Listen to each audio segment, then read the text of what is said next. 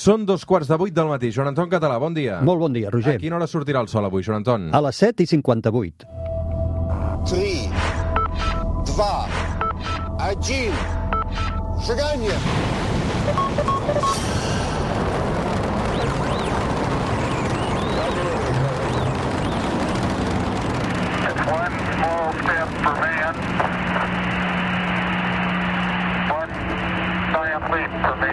Thank you. Joan Anton, com va la vida? Mira, aquí, bé, arrossegant encostipats. Sí, tu també? Sí, sí, Tu sí. també, eh? És el que toca. Realment eh, són dies complicats per tot això. El Joan Anton Català, ja ho sabeu, a l'hora que surt el sol, cada diumenge la Terra es plana aquest espai de ciència, d'astronomia i també d'acampades. Tu has anat mai d'acampada, Joan Anton? Home, i tant, a la meva Sí? època. Fa, fa molt, eh, d'això. Què portaves a la motxilla quan feies d'acampada? Mira, sempre portava una brújula, Uh -huh. òbviament una cantimplora, uns prismàtics, això no faltava mai, i segurament més coses, òbviament, de, de halo, de menjar. Mhm. Per què m'ho preguntes, això de la motxilla? Doncs mira, perquè avui, eh, no sé si en aquestes acampades el foc com el fèieu. Ah, bona, bona. Mira, quan jo era molt petit no el fèiem, el feia el monitor. Uh -huh. eh? I després, quan el fèiem nosaltres, a vegades portàvem d'aquestes pastilletes Mm. de, que són, bueno, que fan que el foc s'activi d'u- d'una forma relativament fàcil. Ho dic perquè eh, jo sempre allò, eh, ho havia intentat allò, Sí, picant ho dues pedres, picant dues pedres, picant dues pedres, però mai sortia flama d'allà. No, els prehistòrics això ho sabíem fer, eh? Sabíem però fer nosaltres això ja hem perdut l'habilitat. Avui amb el Joan Anton Català anirem una mica més enllà de l'astronomia. Avui un tema més científic. Com es fa el foc?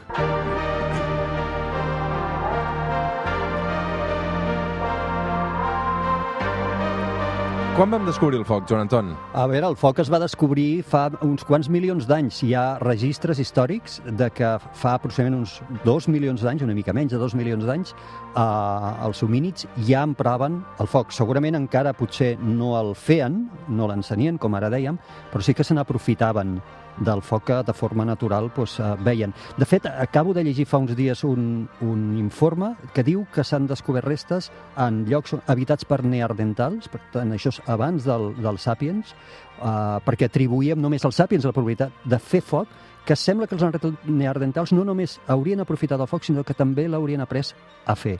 Uh I això remuntaria molt endarrere el temps, eh? això entre un milió, potser, de fer-lo, entre un milió, un milió i mig d'anys fa. Mm.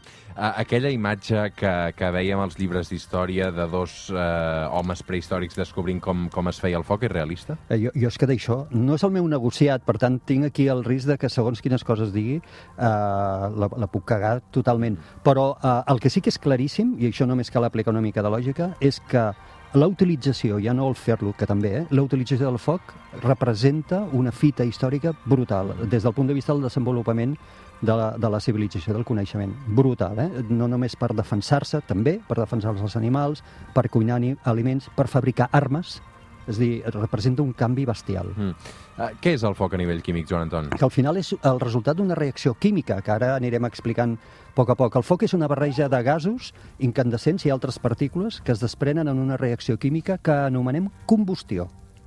Val?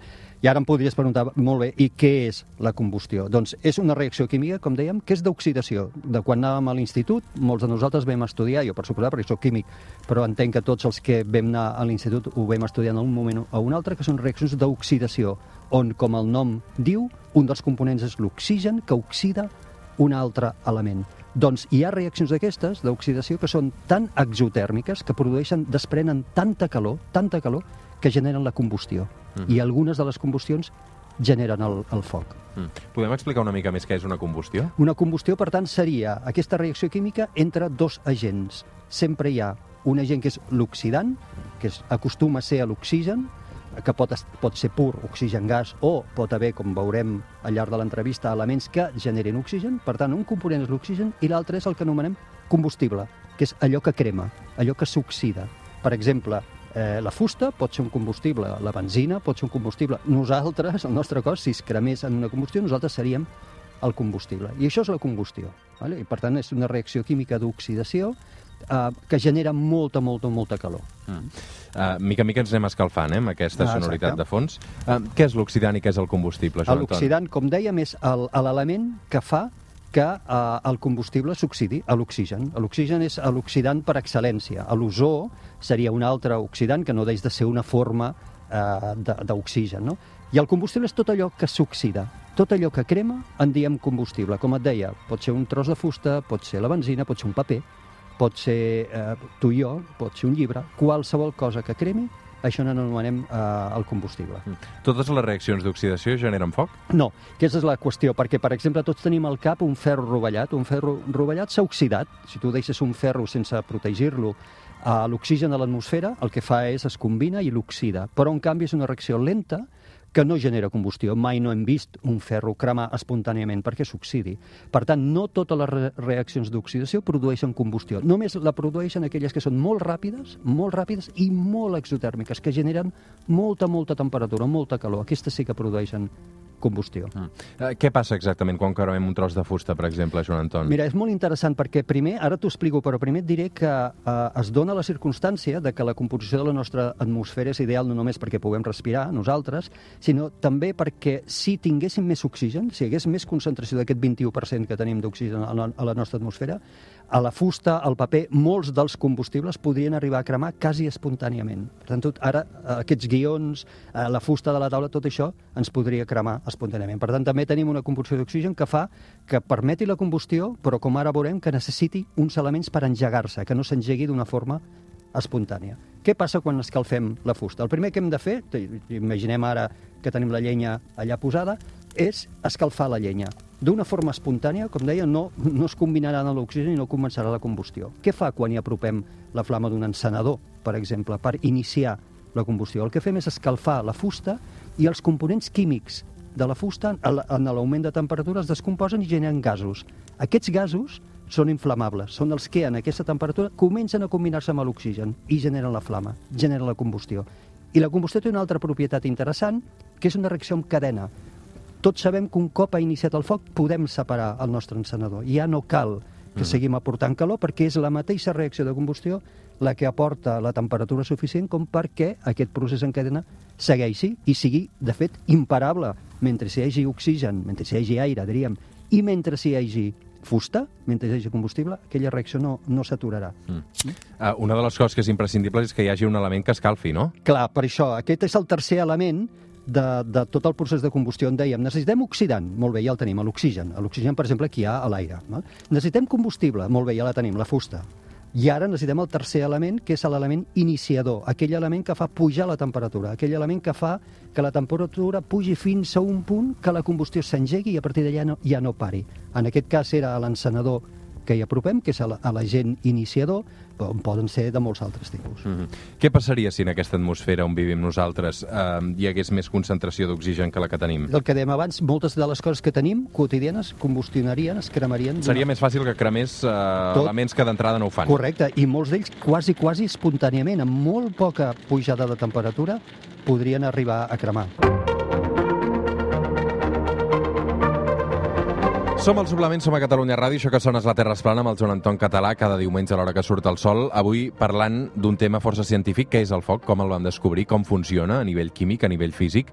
Què és el triangle de foc, Joan Anton? El triangle de foc seria la combinació d'aquests tres elements que ens, ens, han anat, ens han anat sortint durant l'entrevista, que són essencials perquè hi hagi una combustió, perquè hi hagi foc, que és l'oxidant, ja ho hem vist, l'oxigen, per exemple, que hi ha a l'aire, el combustible, que és allò que crema, i la temperatura, que és provocada per un agent que inicia el foc, que fa que la temperatura pugi fins al punt on l'oxidant i el combustible es puguin començar a combinar. Mm. Joan Anton, si encenem un llumí, el procés és el mateix que estem explicant? Exactament el mateix. El fregament del llumí eh, amb la capsa és el que fa que... Mira, això que es- escoltem, mm. doncs és el que fa que pugi la temperatura, és l'agent iniciador, aquest fregament. Puja la temperatura i a partir d'aquell moment l'oxigen de l'atmosfera es combina amb el combustible, amb els elements que formen el cap del llumí. Mm. Quan fem foc hi ha dos elements més, eh, les flames i el fum, no? Exacte, un foc el descriuríem per flames i fum. És curiós perquè moltes vegades no pensem que són les flames. Eh, sí, les flames és el foc, diem, és el foc, però no sabem ben bé què són les flames.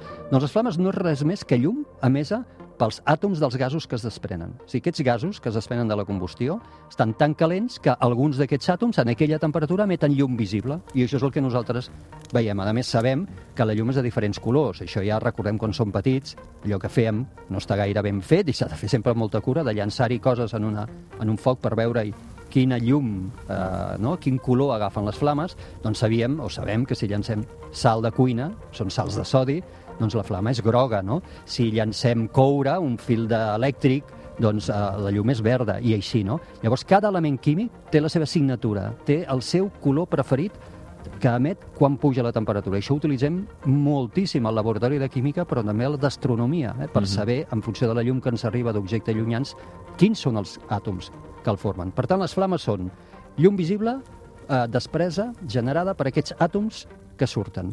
I el fum seria tot allò que no és flama. Serien gasos i partícules que surten de la combustió, però que en aquella temperatura ja no emeten llum. Per tant, no, no generen la flama.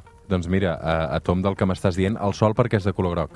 El sol és de color groc per la temperatura. Justament sabem que no, en aquest cas no ho és només pels elements que el composen, sinó ho és per la temperatura. La llum dels objectes que emet a l'univers, que són com objectes perfectes, la llum que apreciem, la longitud d'ona, el color, depèn de la seva temperatura. El, el, el sol està a superfície uns 6.000 graus de temperatura i en aquesta temperatura, un objecte ideal, que emeti llum de forma ideal, la llum serà entre blaga i, i groga. I aquesta és la raó per la qual veiem la llum groga del sol. Per tant, no és exactament igual, no és un procés de combustió. Eh? No té res a veure amb això que estem explicant d'un procés de combustió. I el fum què és, Joan Anton? El fum és tot això que dèiem de les partícules que no generen llum. Eh? Són gasos i partícules que es desprenen de la combustió, però que en aquesta temperatura no emeten llum. Això són el, els fums.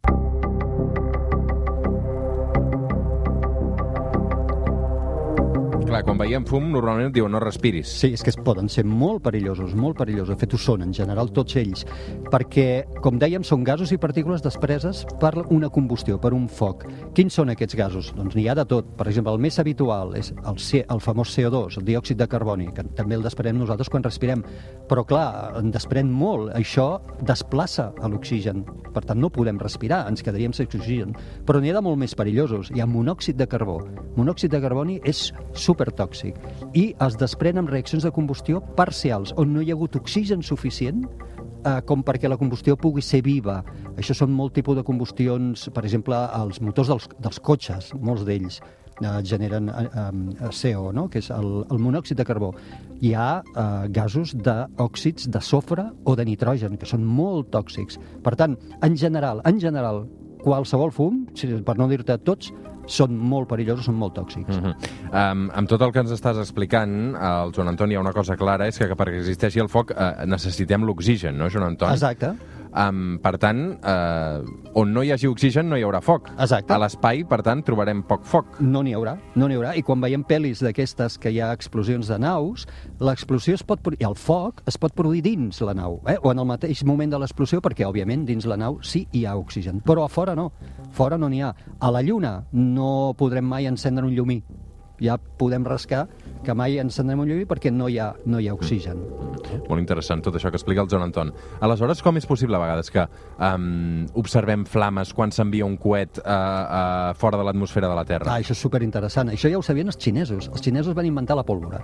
Llavors, la pólvora el que fa és, com que eh, es vol que la pólvora pugui cremar fora de les, a l'espai on no hi ha oxigen, o fins i tot la pólvora pugui cremar dins l'aigua, on no hi ha oxigen lliure, el que fa la pólvora és aportar el seu propi oxigen. Per tant, un dels components de la pólvora, el que, la pólvora que es pot fer, diríem, casolana, porta nitrat de potassi. El nitrat de potassi, quan s'escalfa una mica, desprèn oxigen. Mm. I això és el, el component que ell mateix, la pólvora, no necessita a l'aire per cremar. Pot cremar a l'espai o pot cremar sota l'aigua simplement perquè ell mateix porta la seva pròpia reserva d'oxigen. Mm. Uh, quin paper juga la gravetat de tot això? Clar, imagina, la gravetat que en vam parlar fa, no sé si el programa passat, crec recordar, que jugui amb el foc. És increïble. Doncs mira, si no hi hagués gravetat, no tindríem foc, no tindríem flames, no tindríem... Per què? Perquè la gravetat el que fa és eh, ajuda que es generi un procés que no, n'anomenem convecció, que fa que aquests gasos que produeix el foc, que produeix la, la combustió, els gasos calents pugin, com sabem, els gasos freds baixin, i això és el que fa una circulació constant que fa que l'oxigen no falti mai a les flames, no falti mai a la combustió. Si no hi hagués convecció, si no hi hagués gravetat, el que tindríem és que a poc a poc el foc s'apagaria perquè tot l'oxigen que hi hauria disponible de l'aire per fer que cremés aquell foc aniria sent desplaçat pels gasos que produeix CO2, per exemple, que produeix la mateixa combustió. I sense oxigen les flames s'apagarien. És aquesta convecció, aquest gir constant que remou la mescla de gasos i això és degut bàsicament a perquè tenim gravetat. És curiós. Uh, ara que sabem com funciona el foc, uh, també entenem uh, com funcionen tots els mecanismes d'extinció més necessaris que mai, també, tal i com està uh, Sí. el planeta ara mateix, no? Sí, exacte. I llavors ja, com que havíem vist el triangle del foc, doncs els mecanismes per combatre el foc actuen sobre un o varis dels elements del triangle, o sobre l'oxidant, o sobre el combustible, o sobre la temperatura. Sempre s'extingeix amb aigua el foc? No, no, no, no justament, justament. Uh, depèn de quin tipus de foc, depèn de les cir- circumstàncies. Jo no sóc especialista en extinció de focs, això hi ha realment especialistes, en, caldria que convidéssim el dia que en volguéssim parlar Un bomber, com a mínim. bomber. Ells saben perfectíssimament quins tipus de foc no és el mateix un foc químic que un foc elèctric, Mhm. que un foc per llenya, no és el mateix. O, per exemple, ara penso en Txernòbil, quan hi va haver l'explosió, allà hi tiraven aigua i allò no solucionava no absolutament solucionava res. absolutament Al contrari, res, agreujava el problema. Exacte. Per tant, cada tipus de foc necessita el seu mecanisme d'atac, no? de defensa. Però, com dèiem, en qu- qualsevol cas actuen sobre un o varis dels tres components d'aquest triangle de foc. Vale? La calor, La calor, per exemple, doncs, a, a l'aigua doncs seria un, un, un mètode d'actuar contra la calor, perquè si tu llences aigua en un foc contra el qual hi puguis llançar, el que farà la temperatura és fer pujar la temperatura de l'aigua i la evaporarà, i això el que fa és baixar la temperatura del resultat, perquè estàs gastant temperatura en fer que l'aigua s'evapori. Per tant, això seria una forma típica de- d'extingir el, el foc, alguns focs. Val? uh, com actuem contra el combustible? El combustible, per exemple, eh, que s'utilitza en focs eh, forestals és, seria, a lo millor, cremant una zona conlindant, deixant sense combustible el foc. Com ho fas en un foc? Doncs cremant a lo millor zones de bosc conlindants per on el foc, eh, el vent el portarà, de forma que quan arriben allà el foc no troba, no troba combustible. Vale? O ofegant-lo, no?, contra l'oxigen, per exemple. Correcte. I l'altre és actuar sobre l'oxigen, sobre l'exent oxidant. En aquest cas, per exemple, els extintors que, for, que porten neu de CO2 o altres gasos, el que fan és desplacen a l'oxigen, eh? Eh, ocupen a l'espai de l'oxigen, amb la qual cosa s'ha acabat la combustió.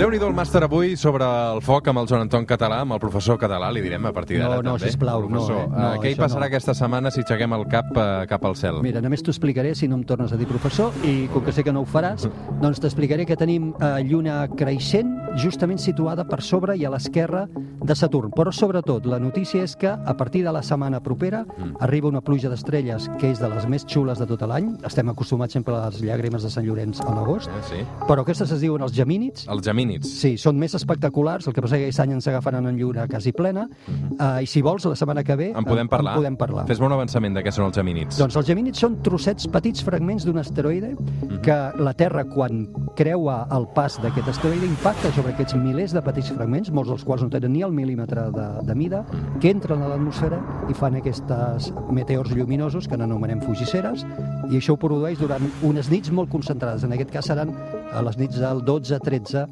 de desembre. La setmana que ve en parlarem amb més detalls d'aquesta pluja d'estrelles dels gemínids que està a punt d'arribar. Doctor Joan Anton Català, moltes gràcies. Gràcies a tu. Fem una pausa i tornem al suplement.